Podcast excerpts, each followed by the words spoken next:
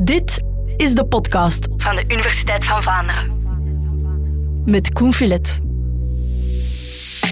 Kunnen we nieuwe soorten zonnepanelen maken die werken zoals planten aan fotosynthese doen? We gaan vandaag praten over zonnepanelen.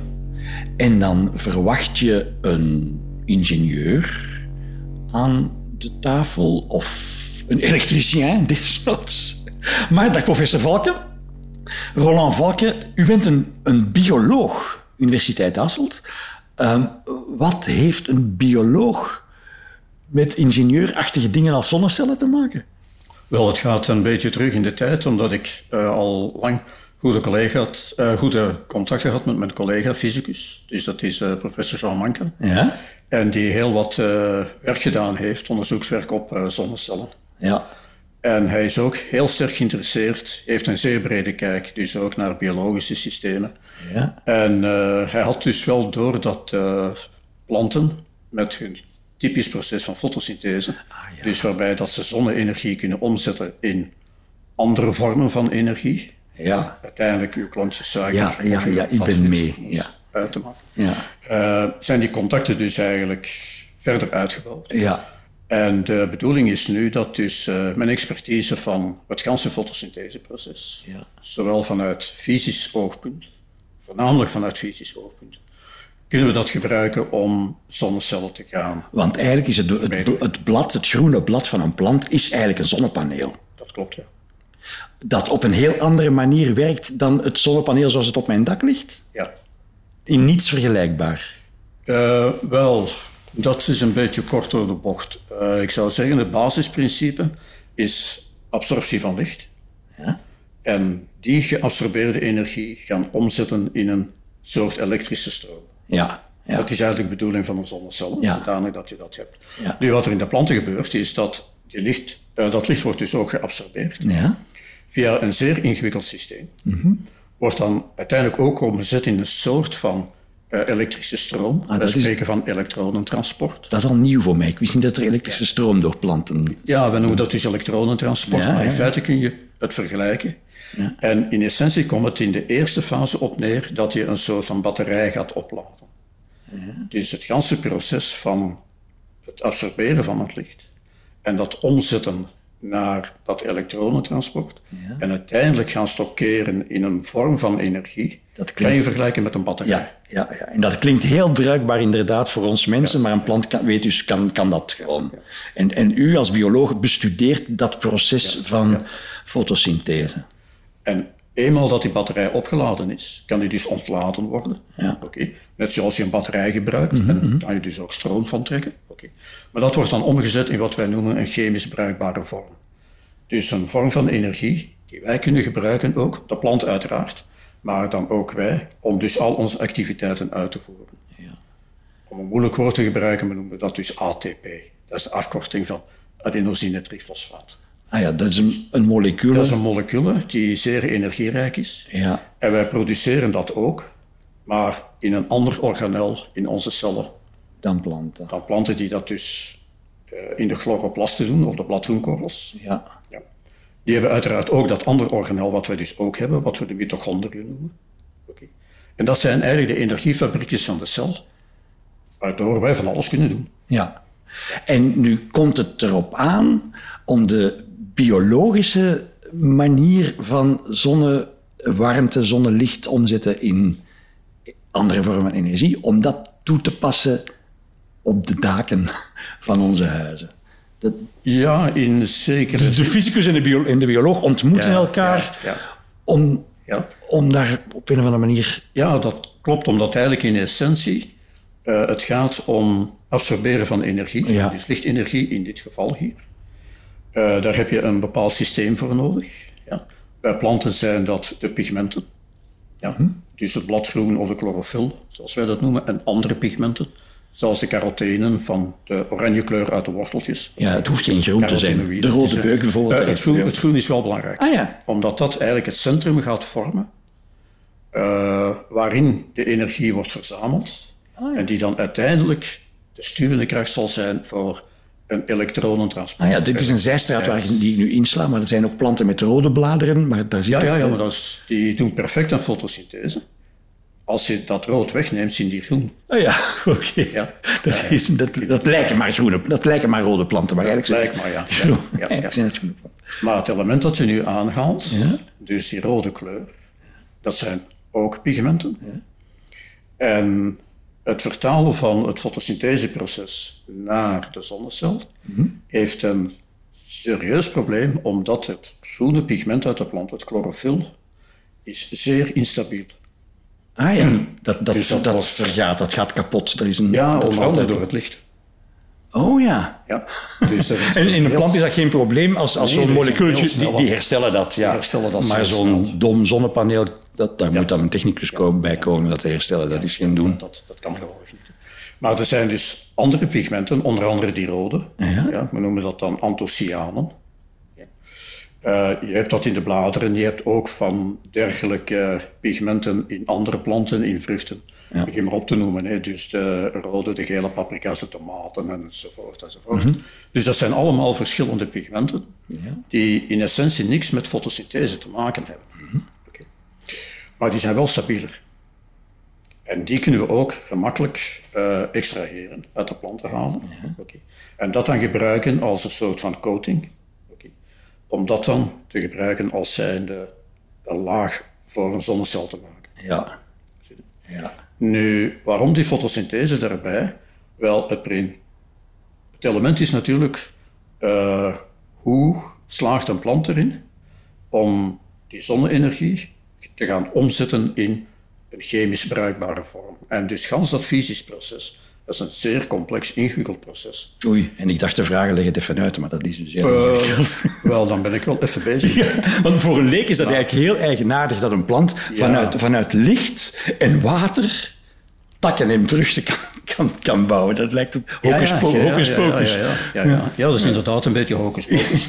Dus ook vanuit licht en water.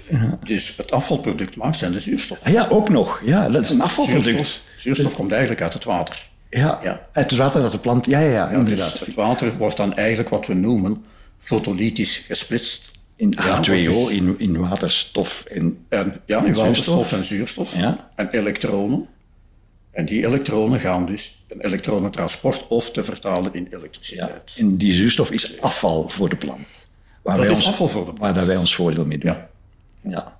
Maar zonder die zuurstof kunnen wij niet leven natuurlijk. Dus dat is eigenlijk een afvalproduct. Maar professor, professor bioloog, wat is er mis met de klassieke zonnepanelen van de professor fysicus? Wat, wat, wat, wat kan daar beter? Het grote probleem is dat dat meestal... eh, je hebt twee grote groepen, dat zijn de anorganische, de siliciumcellen bijvoorbeeld. Ja. Oké, silicium zit ook in zand, dus dat is natuurlijk voorkomend. Maar een groot gedeelte van de andere zonnecellen zijn organische polymeren. Ik geloof u op uw woord. En die zijn dus niet biologisch afbreekbaar. Ah ja. Dus we worden geconfronteerd met een probleem.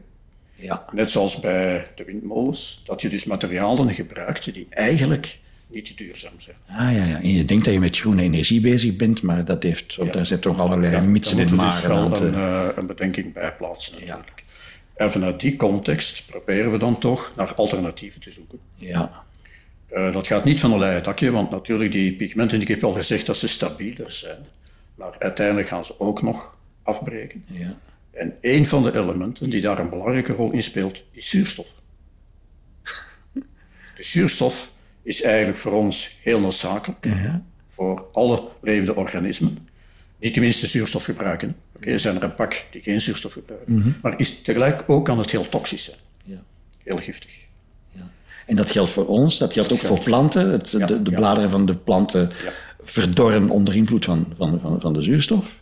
En dat, of van ja, Ja, u praat met leken en u moet af en toe een bocht om afsteken. Maar dus zonnepanelen die op basis van natuurlijke plantaardige pigmenten werken, die zouden onder invloed van de zuurstof ook snel versleten zijn. Dat klopt, ja. ja, ja. En dat is dus een van de uitdagingen. Welke mechanismen zijn daar in... Ja, welke mechanismen gebeuren daar eigenlijk? Dat dus eh, inderdaad die pigmenten eh, onder invloed van zuurstof worden afgebroken. Dus zuurstof eigenlijk kan omgezet worden, onder andere door elektronen op te nemen, ja. naar wat we noemen de reactieve zuurstofsoorten. Ja. En die kunnen dus heel toxisch zijn, ook voor ons. Ozon en zo van die dingen. Uh, ozon is, is neutraal, maar dan praat ik dus wel over geladen moleculen. We noemen dat superoxide en singlet zuurstof en zo. Oké, dat zijn allemaal ingewikkelde namen. Ja, ja, Maar die kunnen dus heel uh, reactief zijn en heel schadelijk. Ja. En in deze context, uh, misschien een zijspoor, maar toch niet onbelangrijk vind ik, is dat wij ook samenwerken met een fotograaf. Met een fotograaf? Ja. ja? En die past dus het principe toe van het antotype. Het antotype. En het antotype is een techniek die helemaal in het begin van de ontwikkeling van de fotografie door een zekere Herschel is ontwikkeld geweest. En in principe komt het erop neer dat je dus een drager neemt. Dat kan een blad papier zijn of een stuk glas. Uh, daarop wordt dan een pigment geplaatst. Dat is de wijze waarop hij werkt. Daar kan je dan een negatief op plaatsen of gewoon een voorwerp op plaatsen. Ja. En dat ga je dan gewoon blootstellen aan bijvoorbeeld het zonlicht. Ja. Of aan lampen aan kunstmatig licht. En na verloop van tijd, duurt toch wel een, uh, een aantal uren. Als je extracten gebruikt van pigmenten uit bessen, braambessen bijvoorbeeld, of, Ah, ja. of wat dan ook. Oké. Um, en dan krijg je dus een soort van positief. Dan krijg je dus een soort van foto. Omdat de pigmenten die uh, blootgesteld staan aan het licht afgebroken worden, ja. veronderstel ik. Ja. En alleen de pigmenten die afgedekt waren, die blijven kleur behouden. Bijvoorbeeld, ja. En daar kan u uw voordeel mee doen over bij de bouw van zonnecellen. Wel, uh, we zijn tot de conclusie gekomen, omdat we dan dus op, uiteraard op kleinere schaal werken. Je moet altijd beginnen op kleinere schaal. Ja. We hebben ons de vraag gesteld, hoe komt dat nu eigenlijk? En toen uh, dachten we, goed, we gaan, als die foto gemonteerd is in een soort van kader, ja. uh, we gaan dat nu eens leegzuigen, dus de zuurstof eruit, de lucht eruit, en gaan vervangen door gewoon stikstof. En kijken of het dan nog werkt. En het werkt. Ah ja. Dus van zodra dat je de zuurstof gaat wegnemen, dan heb je veel meer kans dat de pigmenten het langduriger gaan uithouden. Okay. Niet eeuwig aan altijd, maar dus veel langduriger. Dus dat zou je dan in zonnepanelen ook kunnen toepassen dat is door, die mogelijke pigmenten tussen twee glaslagen te steken en dan de zuurstof daaruit te zuigen, bijvoorbeeld. En de ontwikkeling gaat vrij snel, ook in de klassieke zonnepanelen. Is dus nu al uh, op heel dunne films bezig eigenlijk, uh, die men ook al op ramen kan kleven en gebruikt dat ook al veel in de architectuur, om gebouwen en zo. Waarbij dan de zonnewarmte wordt geabsorbeerd, het zonnelicht tot de zonnewarmte wordt geabsorbeerd en dan dus omgezet wordt. En uh, ja, dat is een mogelijkheid, hè, want uiteindelijk...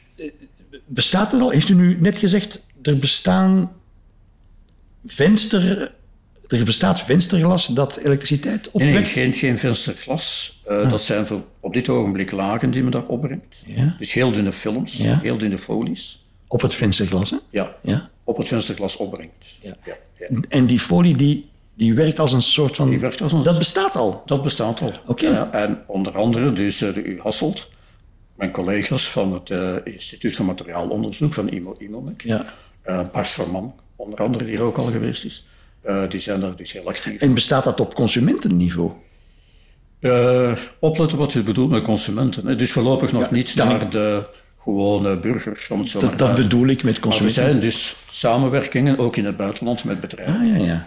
Want ja, jaren geleden heb ik ook wel eens een gesprek gevoerd met, ik weet niet van wie, het zou met u kunnen geweest zijn, mijn excuses dat ik zo- zo'n dingen vergeet, maar dat er eh, werd gewerkt en gedacht aan verf die functioneert als zonnepaneel. Je, je verft je, je, je gevel met uit een pot en je hangt daar een elektriciteitsdraad. Ja, uiteindelijk, verf zijn pigmenten. ja? Maar, maar, maar dat so- soort gesprekken heb ik jaren geleden gevoerd. Is die verf er ondertussen? Ehm, Nee, ja, ik zie het. Wel, wel, wel. Eh, ik ben niet bezig in dat domein. Nee, dat is waar. Weet ik zit wat er in de winkel in, Ja, in het fotosynthesegebied. Ja, ja. Ehm, maar ja, als, je, als de collega's die dunne zonnecellen maken, dat zijn ook soort van pigmenten. Dat zijn Ja. polymeren. Dat zijn ook eigenlijk soort pigmenten. Dus, eh, ja. zij gebruiken nu voorlopig geen verfborstel, dus dat wordt al wel in het labo gemaakt Ja. op zo'n grote schaal. Ja. Maar- Ik, ik begrijp dat ik, dat, ik, dat ik het soort vragen stel waar u niet mee bezig bent. Nou, mijn vraag is, ja professor, oké, u bent dat allemaal aan het onderzoeken, maar wanneer is het er? Wanneer is het er? Wanneer kunnen we het gebruiken? Dat is niet... U bent fundamenteler bezig, neem ik aan. Hè? Of, Of, Ja, ja, ik to- ben, of toch ja, zit u... ja, zit ja, ik ben, ik ben fundamenteeler bezig, hè, eh, altijd geweest al. ja. Ehm, en dus de, de vertaling naar de praktijk toe gaat niet altijd van vandaag op morgen. Ik heb in de tijd met mijn fotosyntheseonderzoek ook technieken ontwikkeld om de gezondheid van planten te kunnen meten. Ja. Ja. Ehm, heel eventjes, als u denkt, ja, maar hoe doet hem dat dan? Eigenlijk als je de planten neemt, ja, eh, die absorberen dus het licht. Een gedeelte gaat verloren, gewoon als warmte. Oké. Maar een ander gedeelte wordt nadat het opgenomen is geweest, terug uitgezonden. Ja. Dat is geen luminescentie, dat is geen weerkaatsing. Ah, nee. We noemen dat fluorescentie. Ah ja. De Dus- plant geeft echt licht. geeft echt licht af. Dus het licht wordt opgenomen, wordt geabsorbeerd. Ja. En een gedeelte daarvan gaat verloren gaan als licht dat terug wordt uitgestuurd. Ja. Dus dat is fluorescentie. Ja. En de wijze waarop dat die planten dat doen, geeft een indicatie over een gezondheidstoestand. Ik heb het dus altijd de stethoscoop van de plant genoemd, de plantenfysioloog genoemd. Het is een arts die gaat luisteren met zijn stethoscoop. En op basis van de geluiden kan hij een voorspelling maken of een diagnose stellen. Hetzelfde doen wij op basis van het licht dat die planten uitsturen. Dan kunnen we ook zeggen, oké, die staat onder stress, daar is daar wat mee aan de hand of wat dan ook. En dan kan je ook verder gaan zoeken. En waarom vertelt u dat nu? Om om de overgang te maken van het laboratorium naar de praktijk? Naar de praktijk, daar toe, iets naar de praktijk toe, omdat dus eh, die technologie ook, om de vertaalslag te maken naar de praktijk toe, bijvoorbeeld eh, naar eh serreteelten Ja, of ja. andere teelten in het veld en zo, is dus bijzonder, bijzonder moeilijk. Ah ja. Dus het, het is best mogelijk dat u een leven lang zit te studeren op een zeer interessant aspect van de plantenfysiologie. En maar dat op het einde van uw carrière blijkt dat de, de, de praktijk, de landbouw, da- daar niks mee doet, omdat het economisch niet interessant is. Ja, eh, wel, dat is het argument dat men dikwijls gebruikt. Oké, ja, om te zeggen, waar bent u mee bezig, professor? mee bezig? Ja, ja, ja, ja. Men gebruikt altijd zo wat, eh, als je iets ontwikkelt en je gaat een toestel eh, ontwikkelen en produceren, dan is de vraag, want je moet daar financiering voor vinden. Oké, ja, ja. Oké, allemaal goed en wel, maar wat is de ROI? Wat is de return of investment? Ja, ja, En ik kan u garanderen, daar loopt de tikkels op mis. natuurlijk. Ja, Omdat men het verwachtingspatroon van die mensen is veel te hoog.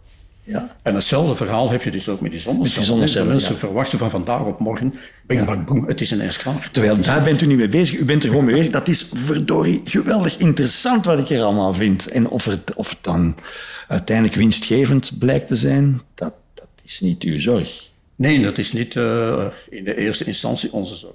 Nee. Wij leveren de achtergrond aan, we leveren de technologie aan, we leveren de kennis aan. En dan zijn er andere mensen die de zaak maar moeten zien te vertalen naar economische termen. Dus als, ik u vraag, iets mee doen. dus als ik u vraag, wanneer zijn die er, de zonnecellen die werken op fotosynthese, die werken zoals de bladeren van een boom, dan zegt u, meneer Filet, of Koen, u mag Koen zeggen, Koen, daar ben ik begot niet mee bezig. Wel, ik stel me die vraag wel, maar ik ga Ja. ze niet kunnen oplossen. En u bent niet ongelukkig als er niks mee gebeurt. Of Wel, wel, dat werd een altijd, beetje ongelukkig. Ja, toch wel. Hè. Ja, ja, ja, toch wel. Dat werd altijd wat frustrerend. is dat. Nee, nee, maar ik, eh, ik denk... eh, er zijn twee zaken die belangrijk zijn in het verhaal. Dat is uiteraard de financiering. Ja. En daar schort het ook. Ja. En dan, eh, oké, de ontwikkeling van de technologieën. En zeker als we kijken naar duurzaamheid. eh, systemen die dus eigenlijk ja, biologisch afbreekbaar kunnen zijn en dus ja, duurzaam zijn. Zoals Ja. men toch zo graag eh, het woord gebruikt tegenwoordig. Dus dat, heb ik, dat, heb ik wel geleerd, dat heb ik wel geleerd uit, uw, uit uw verhaal. Eh, duurzaam betekent biologisch afbreekbaar. Dus biologisch afbreekbaar is tegelijkertijd een kracht, want dat is duurzaam, maar tegelijkertijd ook een probleem, want het is biologisch afbreekbaar. Het, het, het breekt af terwijl je erop staat te kijken. Bij manier van spreken. Het is dat probleem dat u probeert op te lossen. Ja, ja. Professor Valken, ik vond het zeer interessant. En dat de industrie ermee doet wat ze willen. Bedankt. Dank u.